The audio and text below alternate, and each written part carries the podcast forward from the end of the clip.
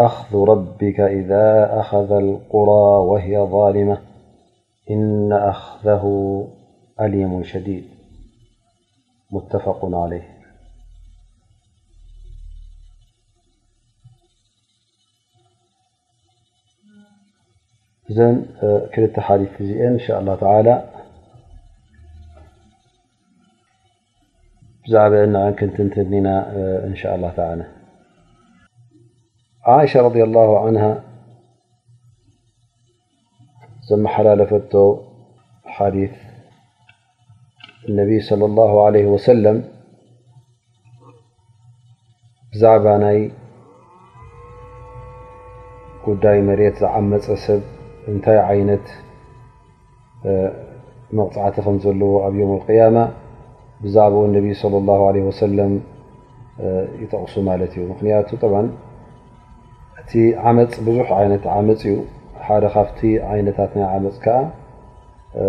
ኣብ ናይ መሬት ዝርከብ ዓመፅ ማለት እዩ። ዘይ መሬትካን ዘይ ንብረትካን ናተይ ኢልካ ክትወስድ ከለኻ እዚ እቲ ዓብዪ ዓመፅ ይኸውን ማለት እዩ። ወነቢ ስለ ላ ለ ሰለም ላዓነ መን غየረ መናረ ኣርض ማለት እዚ ምልክት ኣብ መሬት ዝግበር ከም ገደብ ወይ ከዓ ከም ዶብ ኢልካ ኣብ መንጎ ናህካን ናይ ጎረቤትካን ናይቲ ብድሕሪኻ ዘሎን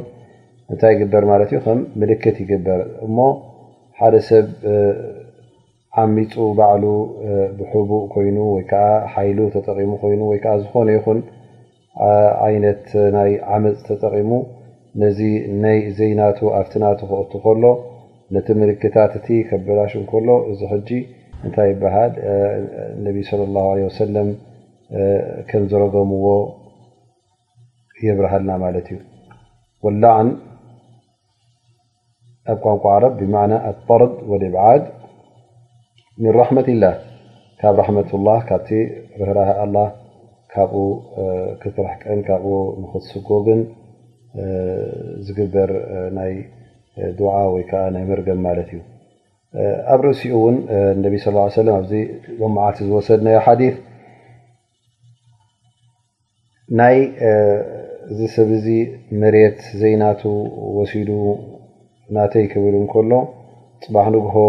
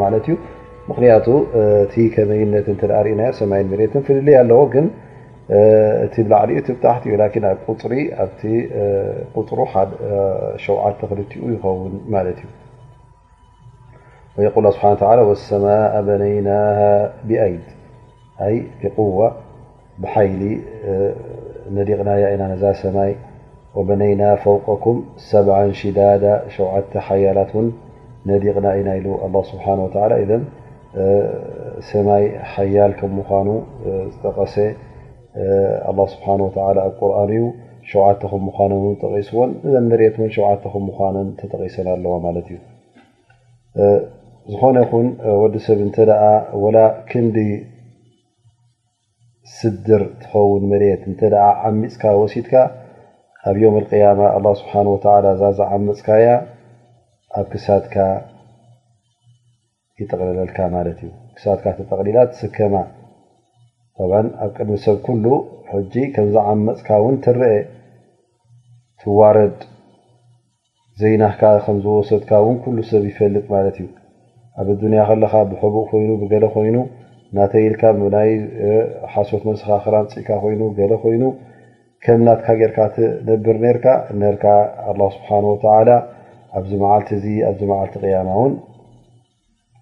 ይፍድሓካ ማለት እዩ እቲ ዝገበርካዮ ዓመፅ እውን ይረአ ኸይደ ሽብር ክበሃል ከሎ ሕጂ እውን ክንዲ ስድር ማለት እዩ እዚ ክበሃል እከሎ ግዴታ እታ ዓመፅካያ ክንዲ ስድር ኮይና ማለት ኣይኮነን ምናልባሽ ካብ ስድር ትንኣስ ወይ ውን ካብኡ ትዕበ ላኪን ኩሉ ግዜ ክንዲዚኣ ዋላ ትኹም ክትብል ከለካ ሕጂ እቲ ምንኣሱ ትርኢ ኣለካ ማለት እዩ ኣብቲ ኣዘራርባ ውን ክንዲ ስድር ወይ ከኣ ክንዲ እመት ወላ ውን ኣይምሕረካን'የ ኣይህበካን እየ ክትብሎ ከለኻ እንታይ ማለትካ እዩ ሕጂ ወላ ውን ትንኣስሲ ከምዘይትገድፈሉ ኢኻ ተርኢ ዘለኻ ማለት እዩ እሞ እዚ ሕጂ እንታይ እዩ ዘርእየና ዘሎ ሙባለቃ የርእየና ኣሎ ማለት እዩ ወላ ውን ውሑድ ይኹን ዘይናቱ ዝወሰደ ጽባሕ ንግሆ ኣላህ ስብሓን ወተዓላ ክሓስቦን ኣብ ጸብጻብ ከምእትወውን ከም ምዃኑ የብርሃልና ማለት እዩ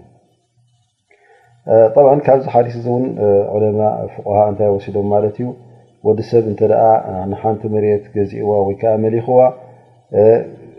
እቲ ትሕቲኣ ዘሎ ኩሉ ናቱ እዩ ማለት እዩ ትሕቲ መሬቱ ዘሎ ኩሉ ናትካ እዩ ማለት እዩ ክሳዕ እቲ ውሽጣ እዛ መሬት እዚኣ ናትካ እያ ስለዚ እንተ ሓደ ሰብ ብትሕቲ እቲ መሬት ዝገዛእካዮ ብኡ ክኹዑ ደልዩ ወይ ከዓ ክኣቱ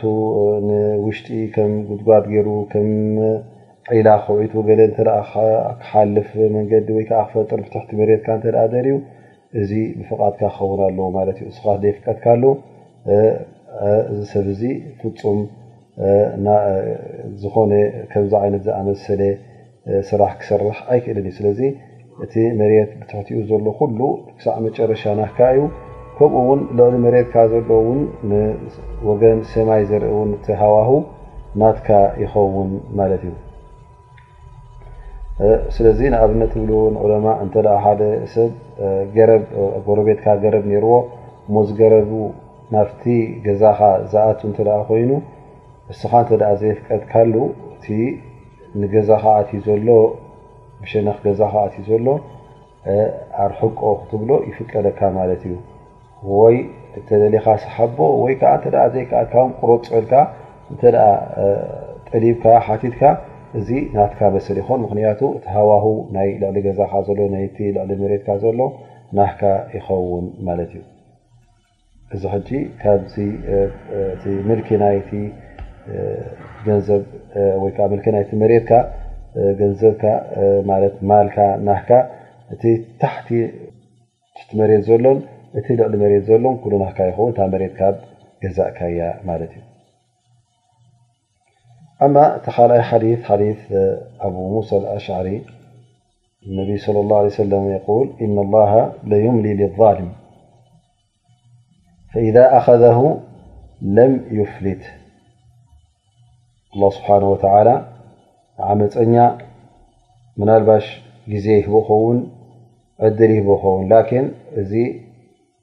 ምድንጓይ እዚ እዚ መቕፃዕት እዚ ዘይቀልጢፉ ዘይምንፅኡ ኣብ ፅቡቕ ኣሎ ማለት ኣይኮነን ወይ ከዓ ረቢ ረድሉን ፈትሉን ማለት ኣይኮነን ላኪን ኣላ ስብሓን ወተላ ነዚ ዓመፀኛ እዚ ትግብሩ እከይ ግብሪ ምዃኑ ስለ ዝረኣየ ዝያዳ ዘንቢ ንኽውስኽ ግዜ ይህቦ ማለት እዩ። ኣብ መጨረሻ ግን ኣላህ ስብሓነሁ ወተዓላ ነዚ ሰብ እዚ ነዚ ዓመፀኛ እዚ ክተሓሓዞ እንከሎ ፈፂሙ ኣይፍንዎን እዩ። ወላ እውን ቀልጢፉ ኣይቕፅዓዮ ደኣ እምበር እታ መቕፃዕቲ ክትመፅእ እንከላ ግን ሓያል መቕፃዕቲ ክትከውን እያ። እዚ እዩ ከዓ ኣብቲ ሸርዒ እስልምና እስቲድራጅ ይበሃል። ኣን ላ ስብሓን ወተላ የስተድሪጅ ሓደ ሰብ ኣብ ጌጋ ኣብ ገበን እንከሎ ኣብኡ እናቐፀለ ነዊሕ ግዜ ክወስድ እንከሎ ወይ ከዓ ዕድሚኡ ክነውሕ እንከሎ ኣብቲ እከይ ተግባራት እውን ክቕፅል ክረአ ከሎ እዚ ሓደ ዓይነት ናይ ስትድራጅ ይበሃል እሞ ኣላ ስብሓን ወተላ ነዚ ሰብ እዚ ከምዚ ገይሩ ኣብ ክፍኣትን ኣብ ሕማቕን ኣብኡ ነዊሕ እዋን ነዊሕ ግዜ ኣብቲ ናይ ዓመፅ እዋን ዘፅንሖ ዘሎ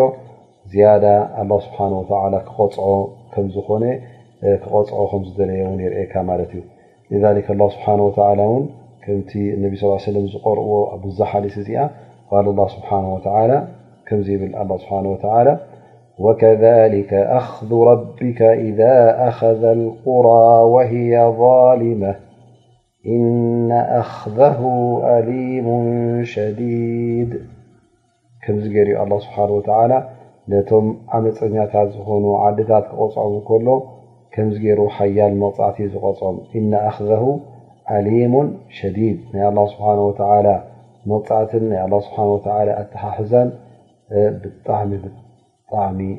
ሓያል እዩ ብጣዕሚ ብጣዕሚ ከቢድ እዩ ብጣዕሚ ብጣዕሚ ኣቐንዛዊ እዩ ስለዚ ኣንታ ዓመፀኛ ኣንታ ንሰብ ትዕምፅ ዘለኻ ወላ እውን ኣላ ስብሓን ወተዓላ ሕጂ መቕፃዕቲ ኣየውርደልካ ዳኣ እምበር ክትዕሹ የብልካን ቀልጢፍካ ደኣ ተመለስ ኣላ ስብሓን ወተላ ይርእካ ኣሎ ኣላ ስብሓን ወተላ እውን እቲ ኩሉ ትገብሮ ዘለኻ ኣይሕብኦን እዩ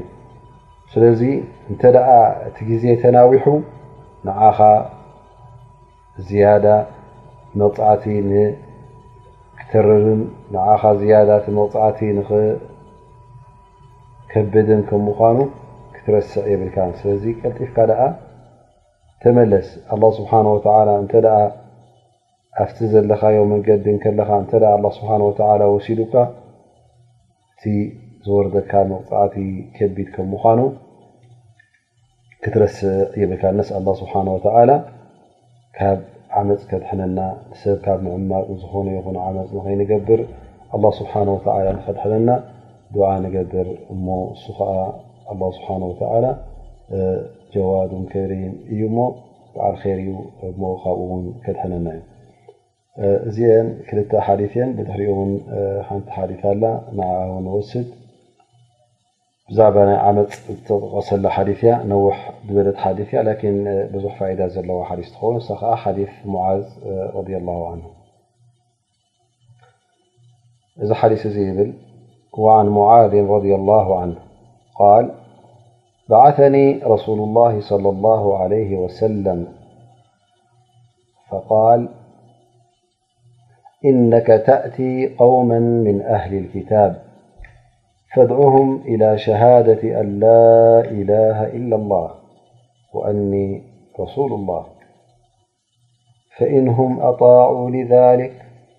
اللهفأعلمهم أن الله قد افترض عليهم خمس صلوات في كل يوم وليلة فإن هم أطاعوا لذلك فأعلمهم أن الله قد افترض عليهم صدقة تأخذ من أغنيائهم فترد على فقرائهم فإن هم أطاعوا لك فإياك وكرائم أموالهم واتقي دعوة المظلوم فإنه ليس بينها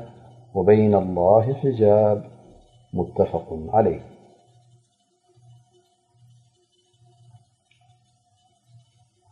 ሙዓዝ እብኒ ጀበል ረ ን ይብል ኣብዚ ሓዲስ እዚ መጀመርያ ብሕፅር ዝበለ ትንተና ሕፅር ዝበለ ትርጉም ክድህባ ሙዓዝ ረ ይብል ረሱል ስለ ላ ለ ወሰለም ልእኾምኒ ምስ ለኣኹን እንታይ ኢሎምኒ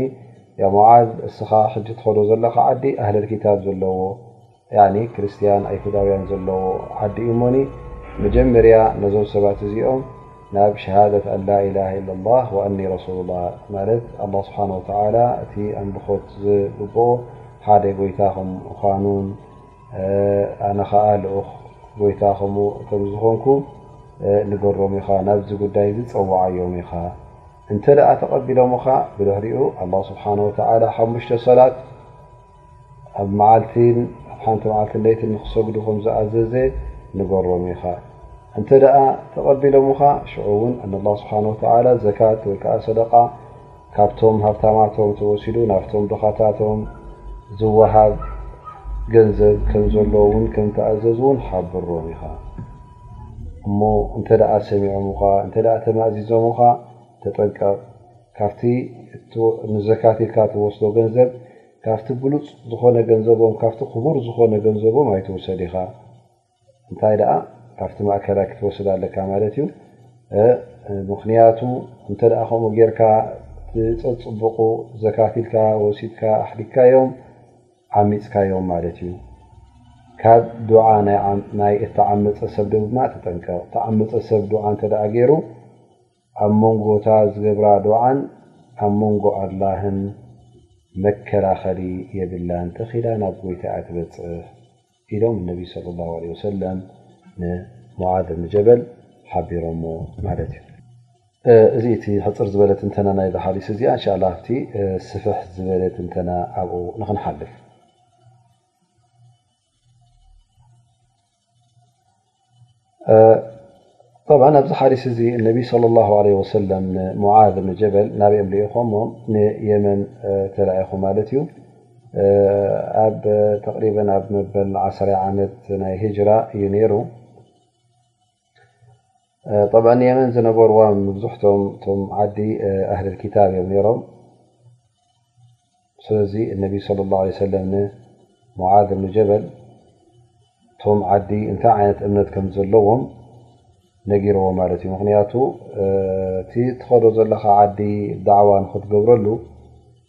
መን ከም ምዃኖም ክትፈልጥ እንከለኻ፣ እንታይ ዓይነት እምነት፣ እንታይ ዓይነት ዝንባለ ከም ዘለዎም ክትፈልጥ እንከለኻ፣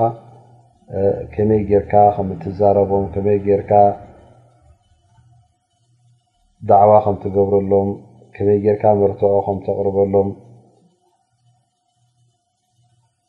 ከመይ ጌርካ ኣብ ዕግበት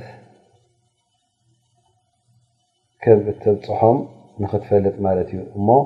እዞም ኣህለል ክታብ ሕጂ ከምቶም ሙሽርኪን ኣይኮኑን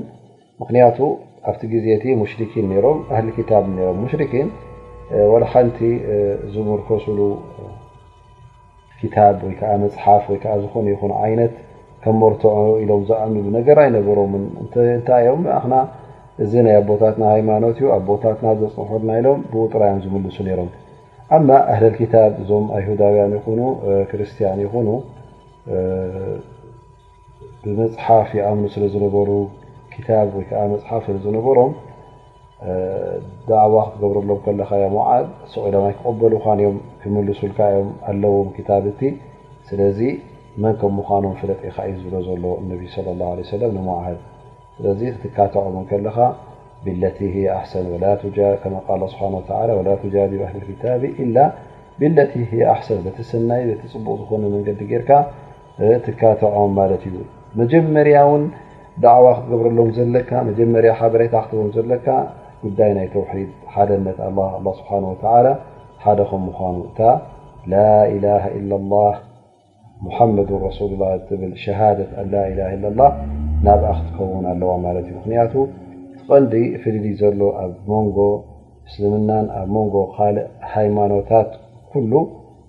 እቲ ጉዳይ ናይ እምነት ማለት እዩ ናይ ተውሒድ እቲ ኣምልኾት ንመን ክወሃብ ኣለዎ መንከ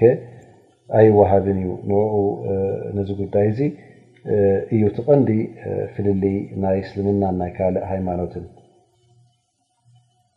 ስለዚ እቲ ኣላ ስብሓን ወተላ እሱ እዩ ቲ ሓቂ ኣምልኾት ዝግበኦ ኩሉ ዝኾነ ይኹን ካልእ ዓይነት ኣምልኾት ግን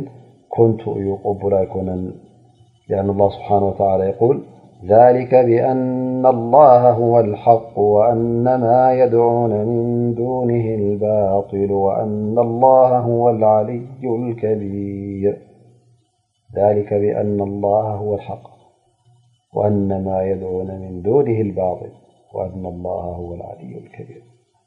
ምክንያቱ ኣላህ ስብሓን ወተዓላ ንሱ እዩ እቲ ናይ ሓቂ ጎይታ ሓቂ ብሓቂ ፈጣርን ሓቂ ብሓቂ ገባርን ገዳፍን ሓቂ ብሓቂ ኣምልኾ ዝግብኦን ንሱ እዩ ብኣነ ሁ ላ ስብሓን ወተዓላ ኣማ እቶም ካልኦት ሙሽርኪን ጎይቶት ኢሎም ዝኣምኖም ዘለዉ ኩሎም ናይ ኮንቱ እዮም ስለዚ እቲ ቐንዲ ዳዕዋ ክግበር ዘለዎ ኩሉ ግዜ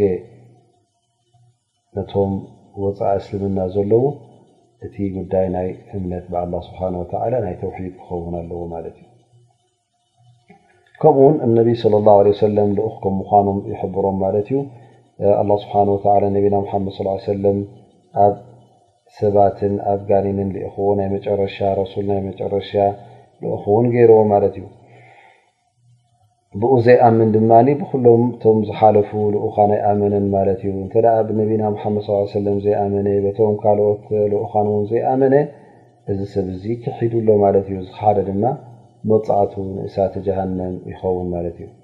ስለዚ እታ ቐንዲ ዳዕዋ መጀመርያ ክትወሃብ ዘለዋ ቅድሚ እቲ ናይ ሰላት ይኹን ናይ ካልእ ተግባራት ሰናይ ተግባራት፣ ጉዳይ ናይ እምነት ትኸውን ማለት እዩ ጉዳይ ናይ ዓቂዳ ናይ እምነት ናይ ኣላህ ስብሓን ወተዓላ ንሱ ጎይታን ፈጣርን ከም ምዃኑ ንሱ ገባርን ሓዳግን ከም ምዃኑ ንሱ ብጀካ ኣላህ ስብሓን ወተዓላ ካልእ ኣምልኾት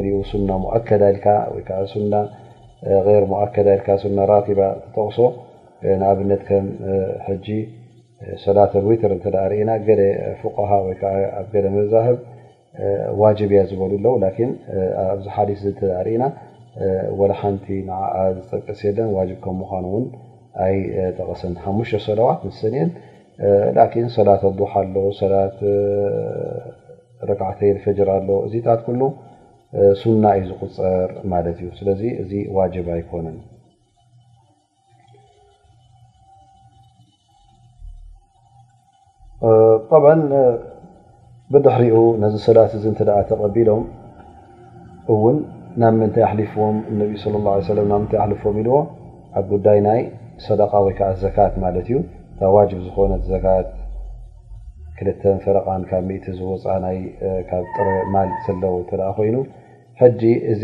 ኣላህ ስብሓነሁ ወተዓላ እውን ከም ዝኣዘዞ ሓብሮም ይብሎ ማለት እዩ። እዚ ዘካት እዚ እውን ካብ መን እዩ ዝወጽእ? ካብቶም ሃፍታማት ድኻ ዘካት የብሉን ምኽንያቱ ገንዘብ ስለ ዘይብሉ። ላኪን እቲ ሃፍታም ዝበሃል ዘሎ ድማ ግዴታ ሃፍቲ ናቱ፣ ጥርሱ ዝሓለፈ ወይ ከዓ ሃፍታም ብሃፍቱ ክፍለጥ ኣለዎ ማለት ኣይኮነን። ሃፍታም ዝበሃል ማለት ኣይኮነን። እነማ ኢዛ ካነ የምተሊኩ ኒሳብ ኢሎም ማለት እቲ ናይ ዘካት ኒሳብ ዝበሃል እቲ እኹል ገንዘብ ንዘካት ይውፅኦ እዩ ዝበሃል እንተ ደኣ ወኒኑ እዚ ሰብ እዚ ሃፍታም ይቑፀር ማለት እዩ። ካብኡ ንታሕቲ ዘለዎም ከዓ ድኻታት ይቑፀሩ ማለት እዩ። እዚ ዘካት እዚ ውን ካብቶም ድኻታት ካብቶም ሃብታማት ተወሲዱ ንመን እዩ ዝወሃብ ነቶም ድኻታት ዓዲ ሊኣን ቃል ነቢ ስ ሰለም ፈትረዱ ኢላ ፍቆራእህም ሃፍቶም ድኻታቶም ማለት እቶም ምስኦም ዘለዉ ድኻታት ናብኦም ይኸውን ማለት እዩ ሊኣኑ ቀዳምነት ኩሉ ግዜ ነቶም ኣብቲ ዓዲ ዘለዉ ድኻታት ይወሃብ እንተደኣ ግን ንሶም ድኻ ዘይብሎም ኮይኖም እሞ ኸዓ ወይ እኹል ወሲዶም እተ ኮይኖም እተ ተርፎም ኮይኑ ብድሕሪኡ ናብ ካልእ ዓዲ ተሰደድካዮ ምንም ሽግር የብሉን ላኪን ኣብቲ ዘለኻዮ ዓዲ ቲ ዘካት ዝወፅኦ ዘሎ ዓዲ ድኻታትን ስኡናትን እንከለዉ ንሶም እናተፀበዩ እንከለዉ ነቶም ሃፍታማት እናረኣይዎም እናፈለጥዎም እንከለዉ ንስኻ ካብኦም ኣውፅእካ ናብ ካልኦት ናብ ካልእ ዓዲ ንኸተብፅሖ ግን እዚ ኣይፍቀድን እዩ ስለዚ እተ ክወፅእ ኮይኑ ሓጃ ክህሉ ኣለዎ ወይ ከዓ ሓደ ዓይነት ሰበብ ክህሉ ኣለዎ እንተ ሰበብ ዘየለ ግን ጌጋ ይኸውን ማለት እዩ ምክንያቱ እዞም ድኻታት እዚኦም ምስቶም ሃብታማት ኣብ ሓደ ዓዲ ነብሩ ኣብ ሓደ ቦታ ነብሩ እሞ ዘካት እንተ ዘይብዎም ኮይኖም እንታይ እም ክብሉ ማለት እዮም እዞም ሰባት እዚኦም ሲ ኣብ ክንዲ ንዓና ዝቡና ዘካት ንካልእ ሰድዎ ኣርሒቑ ሕጂ ፅልኢ ይርከብ ኣብ መንጎኦም ማለት እዩ ሓደ ዓዲ ኣብ ሓደ ቦታ እና ተቐመጡ ከለዉ ወልኣቅረቡና ኣውላ ብልማዕሩፍ ኣስለንቶም ኣህሊ ቀራባ ዝበሃሉ ኣዝማድ ኣሕዋት ደቂ ዓዲ ጎረቤት እዚ ኩሉ እንታይ ይኸውን ማለት እዩ መጀመርያ ብኦም ትጅምር ተተሪፉ ፅቡቕ ናብ ካልእ እውን ትሰዶ ማለት እዩ ላኪን መጀመርያ ነቶም ዝቐረቡ ክኸውን ይግባእ ማለት እዩ ሽዑ ነቢ ስ ሰለ እተ ሰሚዖምኻ ሕራይ እተ ኢሎምኻ ነዚ ዘካት እዞ እ ኣውፅኦም ሂቦምኻ እሞ ከዓ ኣውፅኦሞ ብድሕሪኡስ ተጠንቀቂኻ ካብቲ ክቡር ዝኾነ ገንዘቦም ማለት ጠባን ሓደ ሰብ ኣብቲ ግዜቲ እቲ ዝወፅ ዝነበረ ናይ እኽለ ማይ ናይ ጥሪት ካብኡ ወፅ ነይሩ ማለት እዩ እሞ መፂእካ ዘካት ንዓኻ ከምዝወጅቡካ ኢልካ ካብቲ ዝበለፀ ገንዘብ ካብቲ ዝኸበረ ገንዘቡ ኣይትወስድ ኢኻ ንኣብነት ተኣ ኣርባዓ ባጊዕ ኣለዉ መቸም ሓንቲ በጊዕ ከውፅእ ተኣ ኮይኑ ንስኻ መሪጽካ እታ ዝበለጸት በጊዕ ኣይትወስደሉን ኢኻ ከምኡ ውን ክትገብር የብልካን እንታይ ደኣ ማእከላይ ኢኻ ክትወስድ ዘለካ ማለት እዩ ማእከላይ የውፅእ ማለት እዩ ማለት እቲ ሓላፊ ወይ ከዓ እቲ መራሒ ዓዲ ይኹን እቲ ዘካት ዝእክብ ዘሎ ክጥንቀቕ ኣለዎ ማለት እዩ ከምዚ ሙዓዝ ዓለ ሰላም መጠንቀቕታ ዝተዋሃቦ ማለት እዩ እያከ ወከራኢም ኣምዋልህም እቲ ማእከላይ ትወስድ ደኣ እምበር ኣይትዕመጽ ኣይትዓምጽ ሊኣኑ እንተ ደኣ እቲ ክቡር ገንዘቦም እቲ ብሉጽ ገንዘቦም ንዘካት ኢልካ እንተ ደኣ ኣሕዲግካዮም እዞም ሰባት እዚኦም ትዕምጾም ኣለኻ ማለት እዩ ነፋኢስል ኣምዋል ዝበለጸ ገንዘቦም ሲ ኣይትውሰደሎም እሞ እንተ ዓሚጽካዮም ከኣ ዱዓ ክገብሩ እዮም ዱዓ እንተ ገይሮም ተጠንቀቕ ዱዓ ናይ እተዓመጸ ሰብ ተኺላ ናብ ጎይታ ናብ ኣላ ስብሓን ወተዓላ እያ ትበጽሕ ዝዓግታ የለን ዝኽልክላ የለን ኢሎም እነቢይ صለ ላሁ ለ ወሰለም ንሙዓድ ረድ ላሁ ዓንሁ ኣጠንቂቖሞ ማለት እዩ እሞ እዚ ሓዲስ እዚ ሕጂ ከም ዝረኣናዮ ብዙሕ ፈዋኢድ እዩ ዘለዎ ብዙሕ ፈዋኢድ ክተውጻሉ ትኽእል ኢኻ ገሊኡ ምስዚ ናይ ሎም መዓልቲ ደርሰና ምስዚ ናይ ዓመጽ ተኣሳሰረ ይኸውን ገሊኡ ከኣ ካልእ ፋይዳታት እውን ኣለዎ ማለት እዩ ቀዳማይ ነገር እንታይ ርዳኣና ክፈልጦ ዘለና ነዚ ክታብ ኣላን ሱና ነብን ንደቂ ሰብ ብኡ ንኽፍረዱ እዩ ወሪዱ ማለት እዩ ስለዚ እቲ ኣሕካም ሸርዕያ ዝበሃል ኣብ ተግባር ክውዕል ኣለዎ ዝኾነ ይኹን ሕኩም ሸርዒ ድማ በቲ ተረድኦ ናቱን በቲ ጭብጥታትን ቃላታትን ናቱን ብኡ ቀጢልና ክንከይድ ኣለና ማለት እዩ ደቂ ሰብ ድማ ነዚ ቁርን ይኹን ነቲ ሱና ክርድእዎም ከለዉ ዝተፈላለየ ክእለት ሂብዎም እዩ ኣላ ስብሓን ወተላ ገሊኡ ማሻ ላ ለ ካብ ሓደ ሓዲ ዓሰርተ ፋይዳ ከውፅእ ክርዳእ ይኽእል ገለ ድማ ሓደ ክልተ ጥራይ የውፅእ ማለት እዩ ላኪን ኣላ ስብሓን ወተላ በቲ ኣብ ቁርን ኣብ ሱናን ዝሃበናን ብኡ ንጥቀም ማለት እዩ ዝኾነ ይኹን ተማሃራይ ናይ ሸሪዓ ዝመሃር ዝዕለም ድማ ክግደስ ኣለዎ ከበይ ገይሩ ፋይዳታት ከም ዘውፅእ ካብቲ ክታብ ረብን ካብ ሱና ነብን ዳኣኑ እዚ ንዕኡ እንታይ ኮኖ ማለት እዩ ዝያዳ ይሕግዞ ካብዚ ሓዲስ ዘውፅዎ ዑለማ ንኣብነት ፈዋኢድ እተዳርእና ብሓፈሽኡ ቀዳማይ እንታይ ንርዳእ እ እቶም ሓለፍቲ ዓዲ ዝበሃሉ እቶም መራሕቲ እቶም ሓለፍቲ ዝበሃሉ ብዛዕባ ዲን እስላም ተገዲሶም ኩሉ ግዜ ዳዕዋ ዝገብሩ ሰባት ካብ ዓዲ ናብ ዓዲ ክሰድዎም ከም ዘለዎም እዚ ውን ዋጅብ ማለት እዩ። ወሊ ኣምር ዝባሃል ወሊ ኣምር ኣልሙስሊሚን ዝባሃል ሱቕ ክብል የብሉን እንታይ ደኣ ሰብ ክልእኽ ኣለዎ ማለት እዩ ነቲ እስልምና ዝነዝሑ እስልምና ዘዘውትሩ እስልምና ናብ ኩሉ ንየማን ንፀጋም ዝላኸዑ ሰባት ክሰድድ ከም ዘለዎ ዘምህሩን ዝዕልሙን ማለት እዩ። ምኽንያቱ እስልምና ናተይ ናትካ ናይ ግለ ሰባት ኣይኮነን ንኹሉ ዓለም እዩ ወሪዱ እነቢ ሰለላሁ ዓለይሂ ወሰለም ንኹሉ እዮም ተላኢኾም ስለዚ ነቲ ተልእኾ ናቶም ንኸነብፅሕ ንሕና እውን ብድሕሪኦም ግዴታ ዋጅብ ስለዝኾነ ብቀዳምነት እቶም መሪሕነት ዘለዉ እቶም ወላት ኣልኣምር ዝበሃል ንሶም ይሕተትሉ ብድሕሪኡ ድማ እቲ ካልእ ይሕተተሉ ማለት እዩ ከምኡ ውን እ ሓደ ሰብ ዝለኣኽ ናብ ሓድሽ ዓዲ ናብ ዘይፈልጦ ዓዲ ክከይዱ ከሎ ክዳሎ ኣለዎ ማለት እዩ እንታይ እዮም እዞም ሃገር እዚኦም እዞም ዓዲ እዚኦም እታይ ዓይነት እምነት ኣለዎም እንታይ ዓይነት ቋንቋ ኣለዎም እዚ ነገራት እዚ ኩሉ ኣኻኺቡ ክኸይድ ኣለዎ ማለት እዩ። ምክንያቱ እዚ ንዕኡ ንገዛእ ርእሱ ይሕግዞ ማለት እዩ። ዳዕዋ ክገብር እንከሎ ኣተኣታትዋ ዓዲ፣ ኣተኣታትዋ ምስቲ ህዝቢ ከመይ ገይሩ ከም ዝኣትዎም፣ ከመይ ገይሩ ከም ዝረዳዳእ ምስኦም ይፈልጥ ማለት እዩ። ኢዘን እስትዕዳድ ወይ ከዓ ተዳለውነት ይገብር ማለት ተዳልዩ ይኸይድ ድልውነት ካብ ሃለዎ ድማ ሽዑ እዚ ሰብ እዚ ፅቡቕ ፍርያት ከፍሪ ይኽእል ማለት እዩ ከምኡውን ካብዚ ሓዲስ እዚ ተረዳእናዮ እኖ መጀመርያ ንሰብ ካብ ትስልምና ወፅኡ ዘሎ ሰብ እንተ ደኣ ዳዕዋ ክገበሉ ኮንካ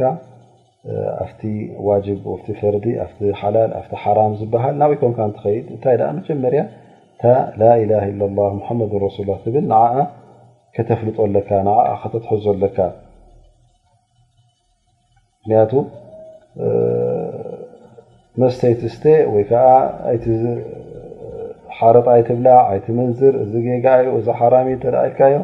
እዚ ነገራት እዚ እንተ እታ እምነት ዘየላ ንገዛእ ርእሳ ኣይክቕበለካን እዩ ማለት እዩ ከምኡ ውን ነዚ ነገራት እተገዲፍዎ እውን ብዘይተውሒድ ኣይክጠቕሞን እዩ ስለዚ ተቐንዲ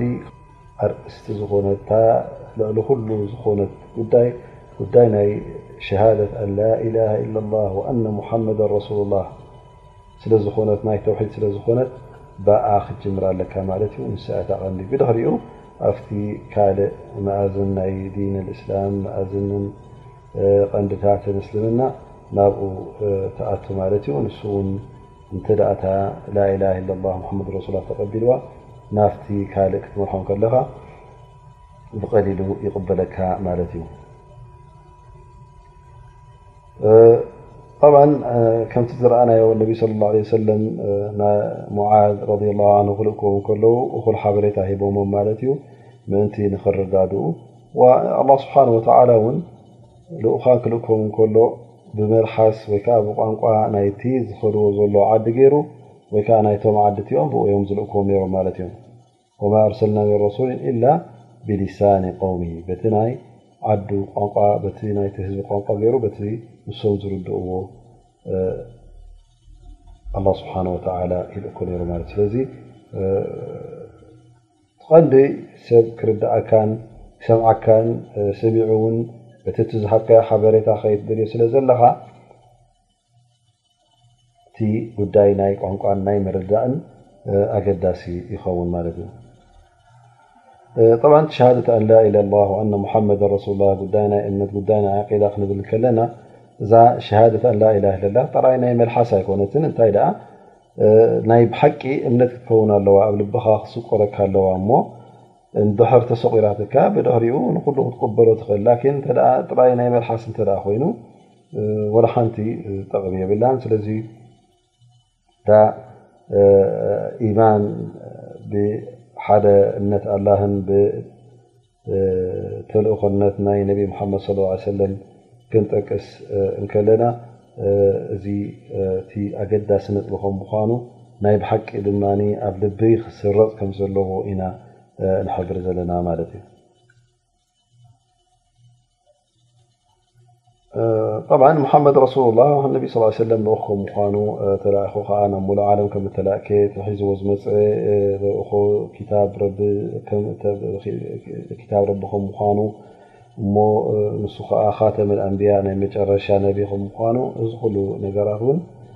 ክእመን ይግብኦ ማለት እዩ። እቲ ዝኣዘዘና ነቢ ድማ ክንቅበሎ ከም ዘለና ካብቲ ዝጠንቀቐና እውን ክንጥንቀቕ ከም ዘለና እዚ ኩሉ ክፈልጥ ኣለዎ ማለት እዩ። ሰብ እታ ሸሃደት ኣና ሙሓመድ ረሱሉላህ ጥራይ ናይ መልሓስ ኣይኮነትን እንታይ ደኣ እዚ ኩሉ ዝጠቐስናዮ ዘማልእት ከም ምዃና እውን ኩሉ ሰብ ክፈልጥ ኣለዎ ማለት እዩ። ካብቲ ፋይዳ ንወስዶ ካብዚ ሓዲስ እዚ እውን ድሕሪ ናይ ጉዳይ እምነት ናይ ዓቂዳ ድማ ሰላት ከም እትመፅእ ተርታ ናይ ሰላት ከም ምኳኑ ኣገዳስነት ናይ ሰላት ብድሕሪ ናይ ሸሃደተይን ከም ምኳኑ እውን በሪሁልና ማለት እዩ። ምክንያቱ ኣላ ስብሓን ነቢ ስ ሰለም ፈኢንሁም ኣጣዑካ ኢሎም ድሕራይ ናይ ሸሃዳ ምስ ጠቀሱ ቀጥታ ንምንታይ ጠቂሶም ንጉዳይ ናይ ሰላት ጠቂሶም ማለት እዩ።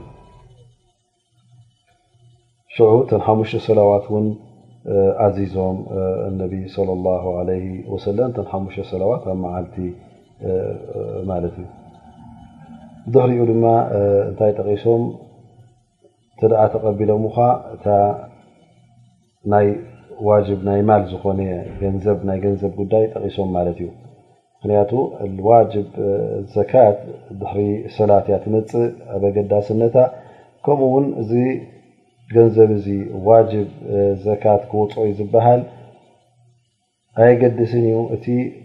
ነዚ ገንዘብ እዚ ዝመለኸ ፅሉል ይኹን ወላ ውን ንእሽተ ይኹን ገና ትሕቲ ዕድመ ይኹን እዚ ገንዘብ እዚ እኹል ናይ ዘካት ንክወፆ እል ኒሳብ ስለ ዝኾነ ክወፅ ኣለዎ ማለት እዩ ብዘይገድስ ናይ መን እዩ ዝገንዘብ እዚ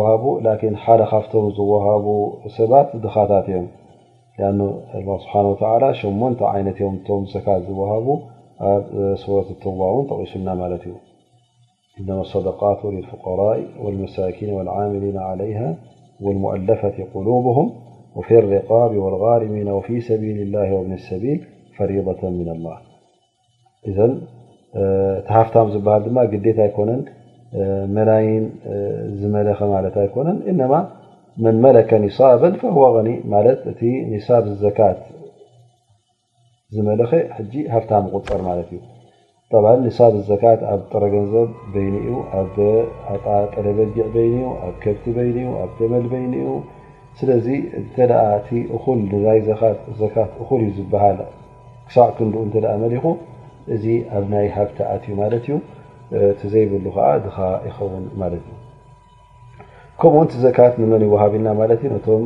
ቀዳምነት ነቶም ደቂ ዓዲ ይወሃብ ኢላ ኢዛ ካን ሰበብ ኣሎ እተ ኮይኑ ካብቲ ዓዲ ንኸተውፅኦ ድኻታት ሑዳት ኮይኖም ኩሎም ነናቶም በፂሑ እተ ኮይኑ ወይ ከዓ ካብኦም ዝበእሱን ካብኦም ዝደኸዩ ብጣዕሚ እተ ኣለዉ ኮይኖም ንኦም ውን ይወሃብ ማለት ዩ ካብቲ ዓዲ ውፅካ ናብ ካል ዓዲ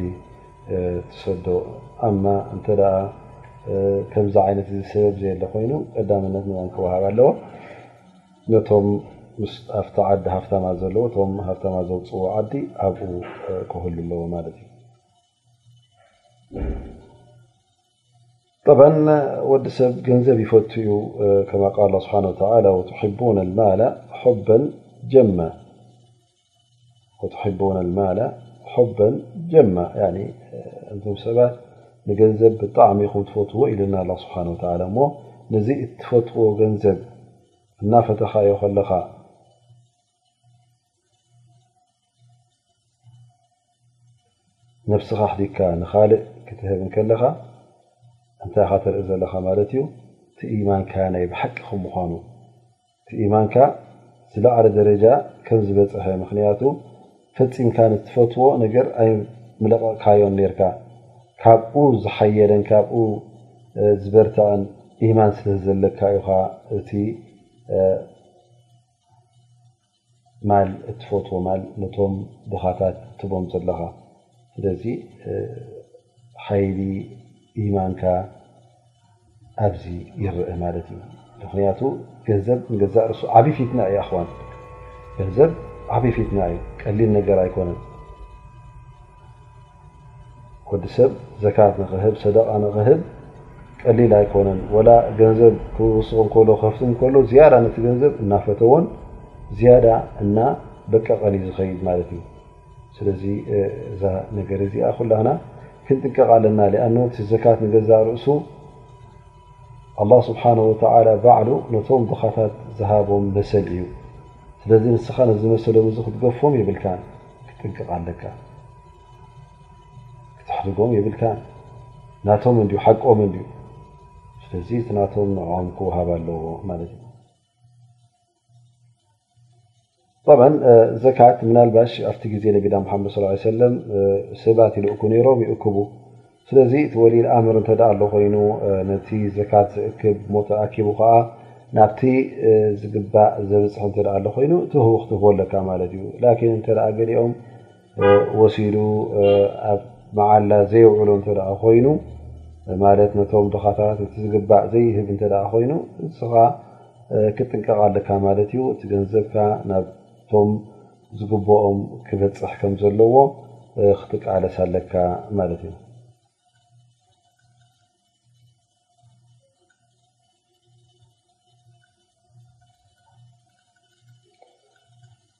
ፍኒሃያ ጠባን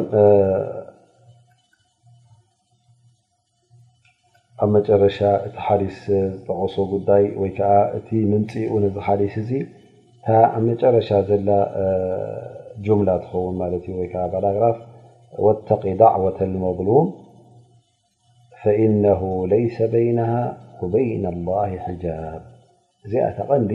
ነጥቢ ኣብዚ ሒዝናዮ ዘለና ኣርእስቲ ምስኡ እትዛመድ ማለት እዩ፣ ምስኡ እትራኸብ ንሳ እያ እዛ ነገር እዚኣ፣ እዛ ዓንቀጽ እዚኣ እያ ነዚ ሓዲስ እዚ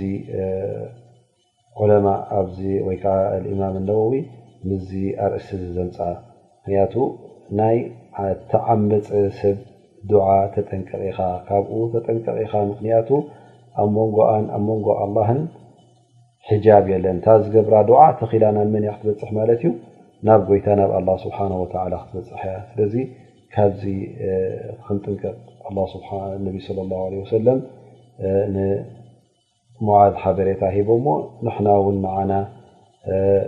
እዚ ሓዲስ እዚ ናባና ስለ ዝበፅሐ ካብቲ ነቢ ስለ ላ ለ ወሰለም ዘጠንቅቕዎ ነበሩ ነገራት كننب كم لنا إنان مت أقول قول هذا وأسأل الله سبحانه وتعالى أن ينفعني وإياكم بما سمعنا وأن يعلمنا ينفعنا وأن يزيدنا علما والحمد لله على كل حال رسنا وبارك الله فيكم سنيلكم وسمعكم وجزاكم